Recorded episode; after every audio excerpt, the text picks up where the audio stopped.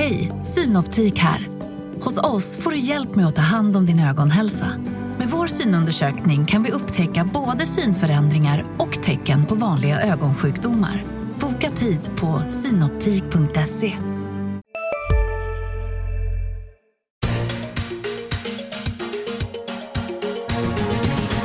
Hej och välkomna till Makrorådet, dagens industrispodd om de stora ekonomiska frågorna. Jag heter Viktor Munkhammar. Med mig idag har jag Anna Öster. Du är chefsekonom på Länsförsäkringar. Välkommen. Tack. Och Olof Manner som är makrochef på Swedbank. Tjenare, Du är också varmt välkommen hit.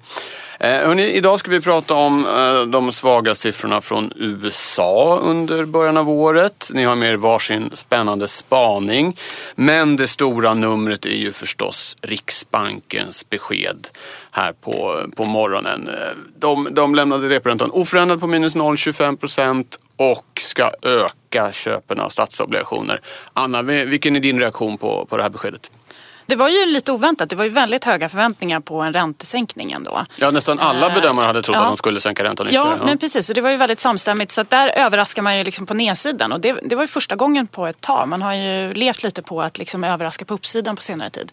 Eh, och fått då marknaden med Och de med uppsidan mer- menar de har varit ja, mer mjukare än- mer än vad folk hade trott. Ja, liksom, just än vad vi Mm, har räknat bra. med.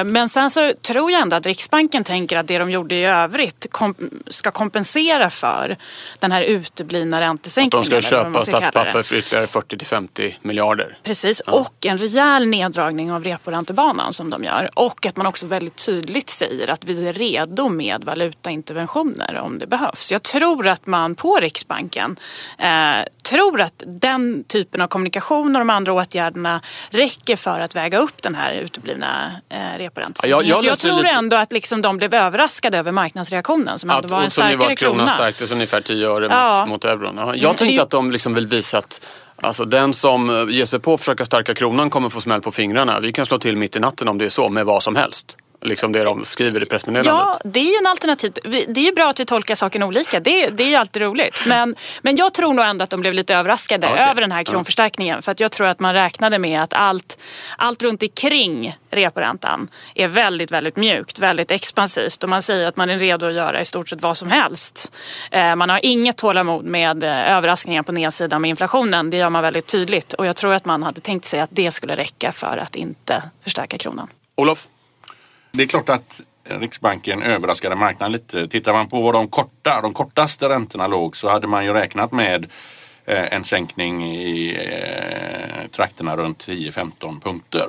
Eh, och därmed är det också rimligt tycker jag att, att kronan då stärks utifrån de förväntningarna. Så att, eh, och det måste Riksbanken ha vetat om. De ser ju var räntorna ligger. Så att, eh, nu tycker jag inte kronan stärktes sådär jättemycket. Det beror på eh, när man tittade på kronan klockan nio i morse eller strax innan Riksbanken. just Eh, eh, men strax under 9.30 tycker inte jag är liksom eh, någon, en stark krona i den synen. Och jag tror också att Riksbanken eh, de behåller ju status quo nu med, med ECB. Det vill säga de fortsätter köpa bond som ECB.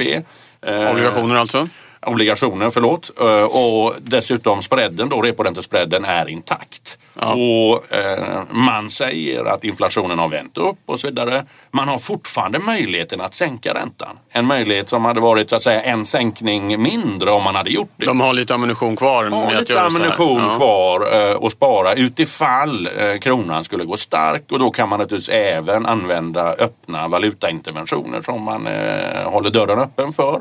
Eh, och man kan också tänka sig då att köpa ännu mer obligationer och man öppnar även dörren för att man köper andra typer av obligationer, typ bostadsobligationer. Så att, ehm, det man inte hade lyckats med det är att liksom, eh, försänka det här beslutet i marknaden. Marknaden hade ju läst de förhållandevis aggressiva uttalandena från Riksbanken och, och bedömt att de skulle agera. ja. Så där kan man inte, eh, har man inte lyckats 100 procent. Men jag tycker det var eh, en, en väl avvägd åtgärd från Riksbanken. Ja. Men det håller ju jag med om. Och det är ju såklart, vi i skuggdirektionen, vi tyckte inte att de skulle sänka räntan nu senast. Så att det, det stämmer ju väl överens med vad vi, eh, vad vi sa då. Just det, ni sitter ju båda i skuggdirektionen precis. som är Dagens Industris expertråd kan man säga som berättar för Riksbanken vad de borde göra. Och det var väldigt mycket i linje med vad ni tyckte i förra veckan. Åtminstone här. på räntesidan. Åtminstone ja, på räntesidan, precis. Eh, nej, men så att jag håller med om att det är ett välavvägt beslut. Och sen så gör vi uppenbarligen olika bedömningar då av vad, vad, hur de tolkar reaktionen därefter. Det, det är svårt att avgöra.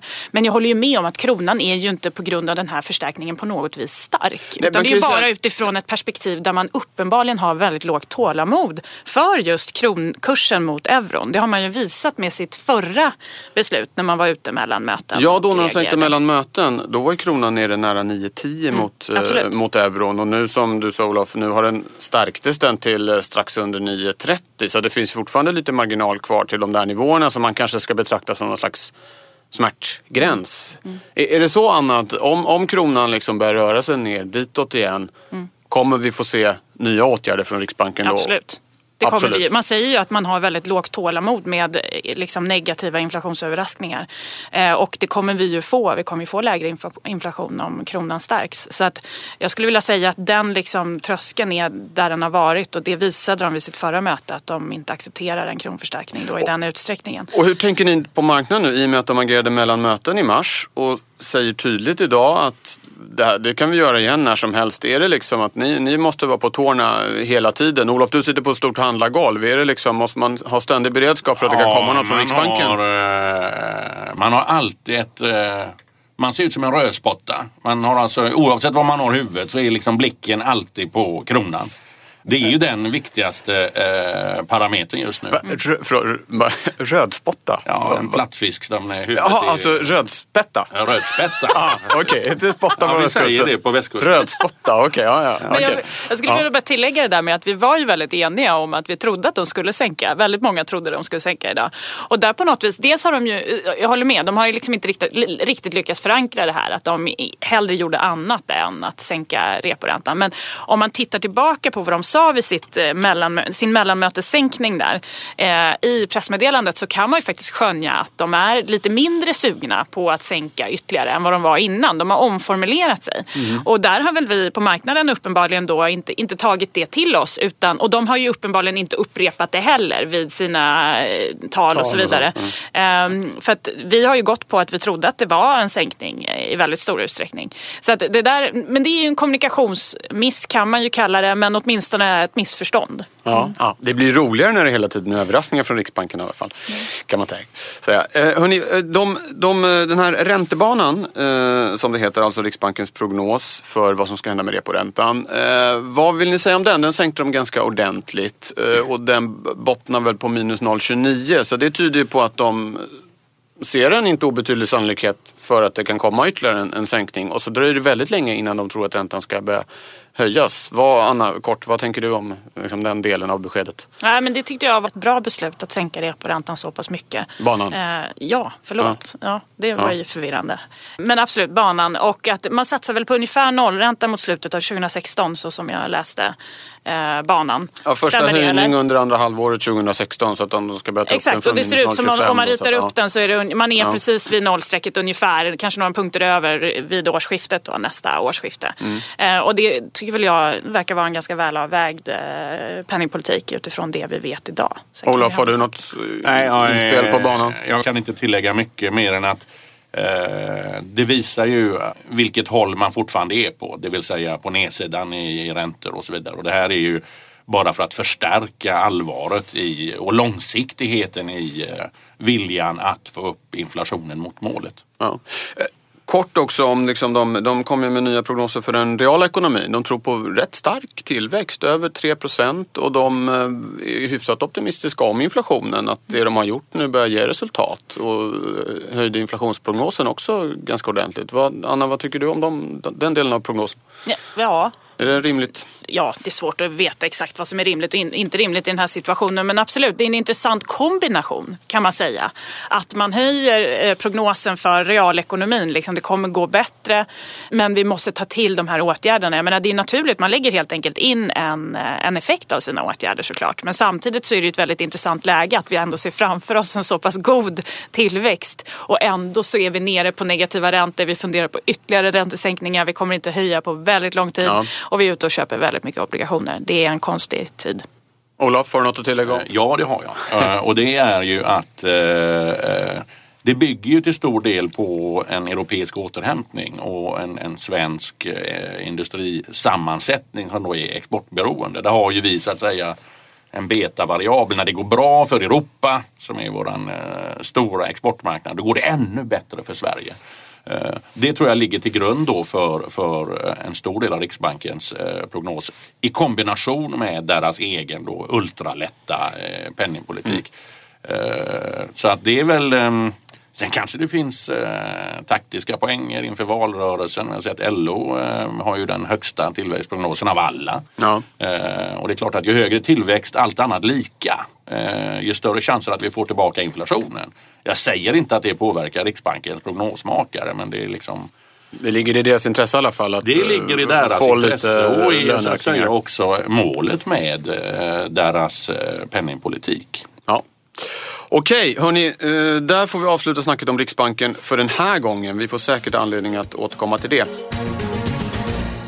Jag tänkte att vi skulle flytta oss över Atlanten till USA Eh, som ju har lett den här återhämtningen i världsekonomin och eh, haft en eh, väldigt starka signaler länge. Men nu under början av det här året har det varit betydligt svajigare. De flesta, flesta statistikutfall har varit sämre än väntat och lite oroligt läge. En del pratar om det kalla vädret, andra den starka dollarn. Eh, vad är det som rör sig egentligen? Olof, vill du börja? Vad, hur ska man tänka kring, kring USA? Först, du har rätt i att eh, eh, USA, makrodata som har kommit eh, från USA sista kvartalet eh, 14 och första 15 har överraskat eh, oftare på nedsidan, det vill säga det har varit svagare statistik, det ser vi. I Europa har det överraskat på uppsidan. Eh, så det är en viktig eh, parameter att hålla koll på. Eh, och du har redan beskrivit vädret. Vi hade något som man kallar då för Polar Vortex när det kom ner. I år igen? Ja, jajamensan. Ja. Det, är, det händer grejer med vädret nu. Det ja, behöver man ja, inte ja. vara miljöpartist för att tro på.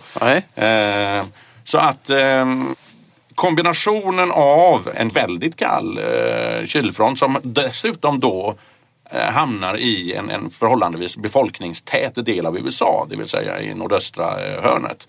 Eh, det har påverkat. Vi har haft strejker i hamnar i Kalifornien vilket kan ha dragit ner aktiviteten. Mm. Vi har haft en starkare US-dollar och på sina håll har vi då haft regionala dippar i ekonomin. Som Texas med oljan exempelvis. Texas och andra delar av USA mm. där man då har mm. lett den här mm. Eh, oljeboomen. Så att ja, det har hänt en hel del saker. Och naturligtvis, eh, vi såg i Googles resultat och i, i andra leverantörer, de påverkas ju av den starka dollarn. Det blir dyrare att köpa deras grejer. Ja. Ja. Anna, räcker det här för att förklara de, de här svaga siffrorna eller har, finns något mera underliggande där som gör att man ska vara lite orolig för USA-konjunkturen? Nej, men jag tycker inte det. Olof har ju gått igenom eh, de här anledningarna på ett fint sätt som man tänker sig. Även om dollarn är ju inte tillfällig då utan man tänker sig snarare kanske att dollarn ska fortsätta stärkas. Ja. Och det här är ju någonting den amerikanska ekonomin behöver hantera och liksom balansera upp med annan typ av efterfrågan då om det blir svårare på eh, exportsidan. Eh, men det är ju så, det har ju blivit mycket svagare siffror. Man vill gärna att det ska vända i närtid nu för att man ska tro på den här starka ja, Ska det vara en tillfälligt ekonomin. så ska ja, det väl vara något kvartal? Nu. Men samtidigt om man grottar lite i siffrorna så finns det ju liksom inte så mycket tecken egentligen på att det skulle vara någon allvarlig vändning. Utan arbetsmarknaden ser ju fortfarande stark ut. Vi fick en svag sysselsättningssiffra senast men den får man än så länge tycker jag se som liksom ett enskilt månadsutfall. Tittar man på initial claims, eh, alltså nyanmälda eh, vad kallar man det på svenska? Ansökningar om- om a- arbetslöshetsunderstöd. Ja, de är ju på väldigt låga nivåer och fortsätter ligga kvar där och det talar för en bättre, betydligt bättre siffra vid nästa tillfälle som man eh, får återkomma till då, om den inte skulle vara det. ja. Men i grund och botten så tycker jag att ändå det ser ju bättre ut. Och till viss del så kan man ju tänka sig att det är dollarn. Om man tittar på ISM, alltså lite större företag, deras inköpschefsindex heter det på svenska. Ja. Eh, Men så tittar man istället på andra indikatorer som mäter i förtroendet hos mindre företag så ser ju liksom rörelsen inte lika stor ut. Den här negativa rörelsen vi har sett på senare tid. Och det är ju också väldigt viktigt för arbetsmarknaden för att det är ju en väldigt stor del av de nya jobben som skapas i mindre företag och inte i de stora företagen. Och som man då tänker sig mer beroende av den inhemska efterfrågan i USA och inte exporterar saker. helt Så därför Ja. i grund och botten så Hej, Ulf Kristersson här. På många sätt är det en mörk tid vi lever i. Men nu tar vi ett stort steg för att göra Sverige till en tryggare och säkrare plats. Sverige är nu medlem i Nato. En för alla, alla för en. Har du också valt att bli egen? Då är det viktigt att skaffa en bra företagsförsäkring. Hos oss är alla småföretag stora och inga frågor för små. Swedeas företagsförsäkring är anpassad för mindre företag och täcker även sånt som din hemförsäkring inte täcker. Gå in på swedea.se företag och jämför själv. Tror jag fortfarande på en stark amerikansk ekonomi. Men vi, man vill se nu att det vänder lite. Men Ja. än så länge ingen fara och färde. Än så länge är det okej. Ja, okej. Och vad betyder det här då för den amerikanska centralbanken Federal Reserve? Det talades ju tidigare om att det skulle komma en första höjning i, i juni. Nu har det liksom skjutit fram lite grann. Är det under andra halvåret, kanske oktober man ska tro på, Olof? Ja, det tror jag är rimligt just nu då. Ja. Eh, Men som sagt, eh, eh, Eh, det finns ju möjligheter att förväntningarna går som ett dragspel fram över sommaren här. Eh, men precis som Anna var inne på, eh, jag tror att det beror då på i första hand arbetsmarknaden. Då. Det är fortfarande den som avgör. Att inflationen går ner beroende på de låga energipriserna, det tror jag ändå man är beredd att acceptera för det ger en sån boost till den amerikanska ekonomin där påslaget, skattepåslaget på bensin är nästan noll och så vidare. Det ger en injektion. Ja. Eh, Men man vill se att arbetsmarknaden så att säga förbättras. Och just nu sker det, det är en, en, en, en mängd människor som förflyttar sig utanför arbetsmarknaden, in till arbetsmarknaden. Det är en mängd människor som har haft deltid som går in på fulltid och så vidare. Så att det blir trögare här. Och det är också anledningen då till att lönerna ännu inte har börjat stiga. Men fortsätter trenden, då ska arbetsmarknaden förstärkas och det är rimligt att anta att liksom september, oktober någon gång, då kommer de att höja räntan. Det är åtminstone vad marknaden säger nu. Men det har ju förskjutits, som du påpekar från juni och framåt. Hörrni, om USA är den region som har lett återhämtningen i världsekonomin de senaste åren så eh, kan man säga motsatsen kanske om de så kallade tillväxtländerna som ju verkligen var en motor under ja, början av det här årtusendet. Eh, exempelvis Internationella valutafonden har tror jag fem år på raken eh, sänkt sina prognoser för, för hur den här gruppen ska växa och så vidare. Och nu ligger det på tal kring 4-5 procent som ju är ganska modest för sådana länder som talade om Brasilien, Ryssland, Kina, Indien är väl de mest kända men även en, ett gäng andra. Anna, väldigt kort bara. Vad ska man tro om tillväxtländerna? Är, det, är deras tid som liksom motor för världsekonomin över eller är det någon tillfällig, tillfällig svacka? Nej, men, ja, alltså, det revideras ju ner bilden på vad de ska kunna leverera för tillväxt. Men det är fortfarande så att de levererar ju betydligt högre tillväxt än utvecklade ekonomier i genomsnitt. Även om vi reviderar ner siffran så är det liksom Mm, Ja, man ska ju vara försiktig, också och prata Så om att- dem som grupp egentligen. Exakt, det är väldigt olika det, ja precis. Det är ju det man vill, dels vill man kommentera det, att det är så otroligt Ja. olika problem i olika delar av tillväxtekonomierna. Så att det blir, väl, det blir svårare och svårare ju att prata Ja. om dem som en grupp. Eh, vi har ju liksom Ryssland har ju en helt, som vi alla vet, en helt annan typ av problematik. Likaså Syd och Latinamerika har helt andra typer av problem än om man jämför med Kina till exempel som nu bromsar in. Men det är någonting vi har väntat och de kommer ju fortfarande stå, även om de bromsar in betydligt även från de här nivåerna, så kommer de ju stå för en stor del av den globala tillväxten fortfarande och vara liksom en spelare att Jag räkna tror med. om Kina växer de här 7 procenten som det verkar, det är ungefär ett och ett halvt Sverige per år i så fall som de ökar sin ekonomi med. Och, och liksom tittar man på bidraget till den globala tillväxten så är det betydande. Och där ser vi också att Indien är på väg upp. Och där är ju tillväxtbidraget inte alls lika stort som Kinas än så länge om man tittar på den globala tillväxten. Men de är på väg upp och är en betydande bidragsfaktor. Så att jag skulle vilja säga att ja, de är fortfarande den globala tillväxtmotorn. De ger, det, och det är väldigt olika saker som är på gång i olika länder. Eh, men vi kanske inte kan räkna med exakt samma boost som tidigare. Men betydligt bättre än de utvecklade ekonomierna ändå. Olof, kommentar? Ja, det, det, det, finns plats för, för det var en bra redogörelse tycker jag. Det var väldigt vad ni liksom tycker att den andra redogör ja, för, liksom säger allt som behöver sägas. Ja, ja, det har väl gjort bra val fantastiskt. till den här. Ja, ja, ja, det är Men eh, för det första då eh, vill jag kommentera det som är positivt generellt för tillväxtländerna. Och jag delar Annas bild att det är svårt att prata om den här gruppen länder som en enhet. Det ser väldigt annorlunda ut. Ja.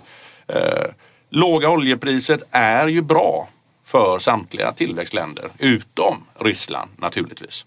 Eh, det som är dåligt är ju då den starkare dollarn. Även om eh, många utav dem inte har sin valuta peggad mot dollarn som förut så har ändå många länder lånat i dollar, utnyttjat de låga USA-räntorna utnyttjat konvertibiliteten i den amerikanska dollarn, att det är en känd valuta. Så man har lånat som är lätt att handla med. Lätt ja, att handla ja. med. Nu finns det, så att säga, nu dels stiger dollarn vilket gör det, det jobbigare att betala tillbaka ja. lån blir dyrare. Dels ser man att räntorna kommer att stiga. Så det blir en double whammer. Det mm. ställer till det. Eh, men återigen om man ska titta på det positivt. Indien som då nästan har en folkmängd som är paritet med Kinas, det är inte mycket mindre. Om de vill göra resan från moped till bil, från hydda till lägenhet och ska börja bygga och så vidare. Då kan ju det här liksom bli en, en, en, faktor som kan dra den globala tillväxten och hjälpa till under många år framöver. Så det är samma motor som Kina var sig 90 till 2010 eller något sånt där då? Ja, Om kanske det... beroende på att det är, Indien ser annorlunda ut och flera ja. religioner och flera språk och ett annat statsskick ja. så kanske det inte går lika enkelt och lika fort. Men antalet människor som, som liksom, mm. och, och, den kraften med det kan växa, det ju, kan bli fantastiskt bra. Ja, så inte så oroliga helt enkelt för tillväxtländernas lite svajiga eh, tillväxttal här För vissa tiden. utav dem ja. kan man nog vara orolig Ja. Ryssland, ja, ja, Brasilien och så vidare. Det låter som att vi får återkomma även till det. Nu ska vi gå över till den andra delen i programmet, det som vi kallar för spaningen, där ni har grubblat lite på kammaren och eh, har kommit ut med eh, lysande insikter om omvärlden. Nu eh, höjer jag förväntningarna lite här, men det är väl inte fel. Eh, Anna, vad har du med dig för spaning? Jag har eh, som spaning det här att vi som prognosmakare verkar bli mer och mer kortsiktiga i vår vy. Vi blir väldigt påverkade av eh, att utfall, vi har pratat om USA nu till exempel, vi får svaga utfall under en period och vi blir väldigt påverkade av det här och har lite svårt att ha is i magen och liksom ha grund och botten tro på vår underliggande vy om ja. vart vi är på väg. Och det här finns det flera exempel på. Vi hade Tyskland i höstas till exempel som hade dippande förtroendeindikatorer under period och det blev mycket diskussioner om huruvida Tyskland egentligen såg så bra så, ut som det egentligen såg Nervösa och hoppiga Ja, men det känns lite så. Ja. Jag inkluderar alltså mig själv i det här så jag försöker inte liksom lägga dig. över bördan på någon annan. Utan det är, det är svårt att hålla fötterna på jorden i sin mer långsiktiga eh, vy. Och jag tycker att det är, det är en förändring sen innan finanskrisen. Att vi, vi är mer, liksom, mer kortsiktiga kanske. Eh, och jag vet inte vad det här beror på. Om det beror på att vi år efter år faktiskt har reviderat ner våra tillväxtprognoser för att vi har blivit motbevisade. Återhämtningen har tagit mycket längre tid än vad vi har trott mm. från början. Och det gör kanske att eh, då blir det svårare att hålla i för att man har blivit liksom motbevisad ett antal gånger. Men sen tänker jag också att vi på marknaden kanske är, det är så väldigt mycket på spel på marknaden med de här väldigt stretchade räntenivåerna som är så extremt låga. Vi har höga värderingar på, på börsen och så vidare. Det verkar de flesta vara överens om. Så också små eh, besvikelser eh, kan ge ganska stora Exakt, utfall, liksom, då, ja. men då tänker man då borde det här vara mer ett marknadsfenomen. Att vi på marknaden då är mer kortsiktiga, vilket vi ju generellt sett är. Men det borde synas även i våra BNP-prognoser och så vidare. Vilket jag inte riktigt tycker syns. Utan jag tycker att man ser det här även hos offentliga prognosmakare. Alltså den här typen av att man blir påverkad av kortsiktiga fenomen och inte riktigt lyckas liksom, eh, hålla mm. blicken över. Eh, så jag är bara lite fascinerad över fenomenet, observerar det och funderar på vad det kan bero på.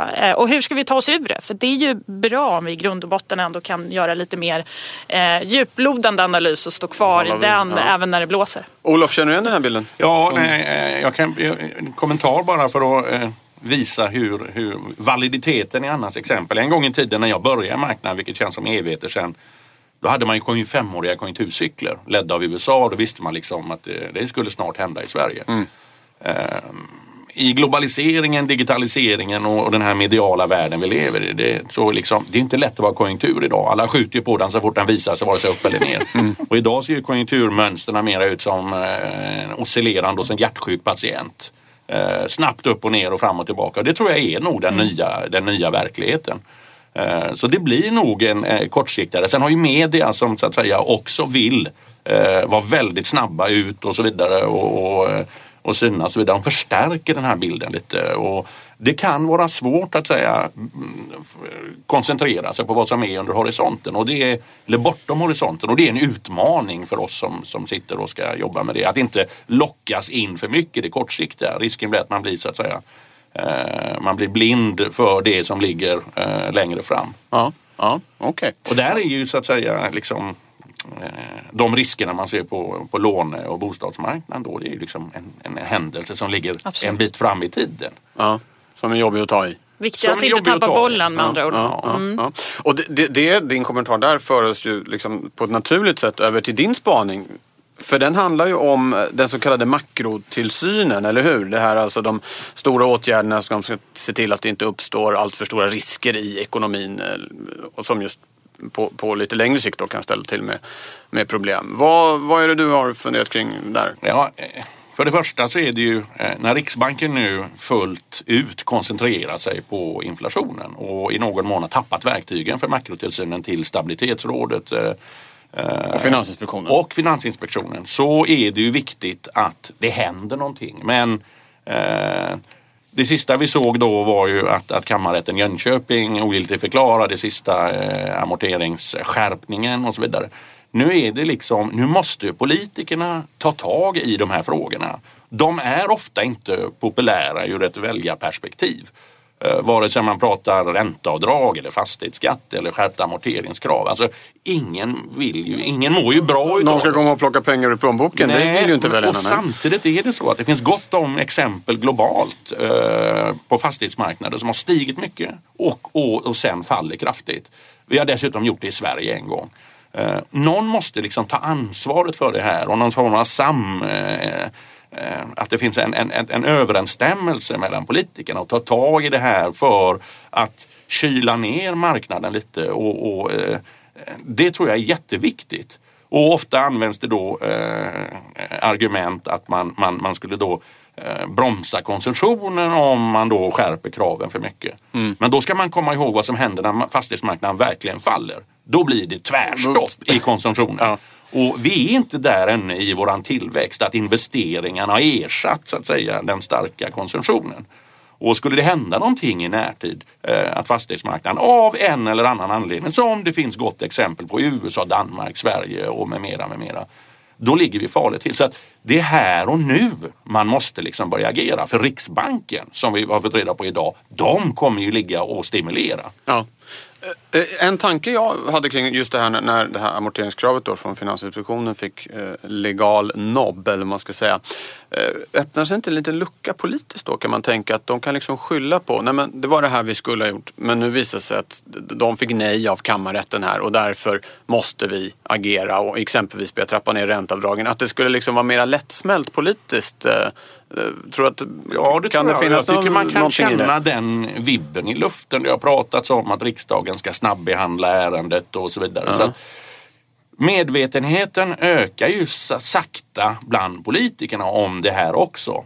Och där ska man skänka faktiskt en tacksamhetens tanke till Ingves tycker jag som ändå är den som har stått och gläfst om det här nu eh, under flera års tid. Jag tror inte debatten hade legat på den här nivån utan honom.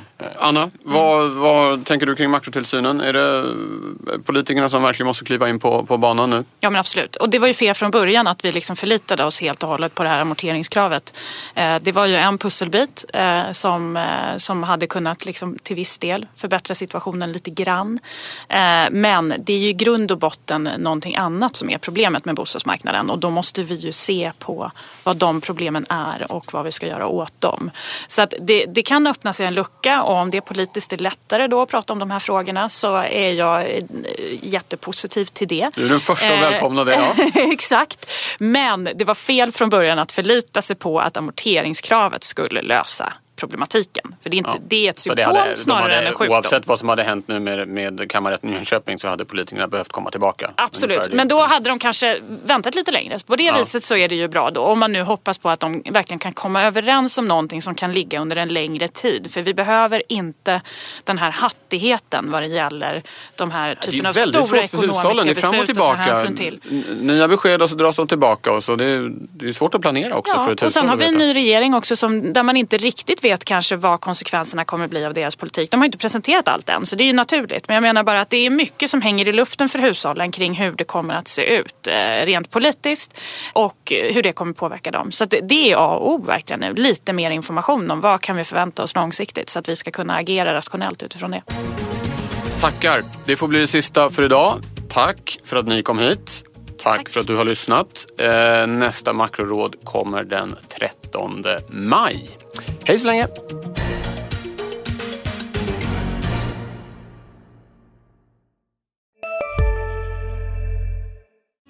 Hej, Susanne Axel här. När du gör som jag och listar dig på en av Krys vårdcentraler får du en fast läkarkontakt som kan din sjukdomshistoria. Du får träffa erfarna specialister, tillgång till lättakuten och så kan du chatta med vårdpersonalen. Så gör ditt viktigaste val idag, lista dig hos Kry. En nyhet. Nu kan du teckna livförsäkring hos Trygg-Hansa. Den ger dina nära ersättning som kan användas på det sätt som hjälper bäst. En försäkring för dig och till de som älskar dig. Läs mer och teckna på trygghansa.se. Trygg Hansa. Trygghet för livet.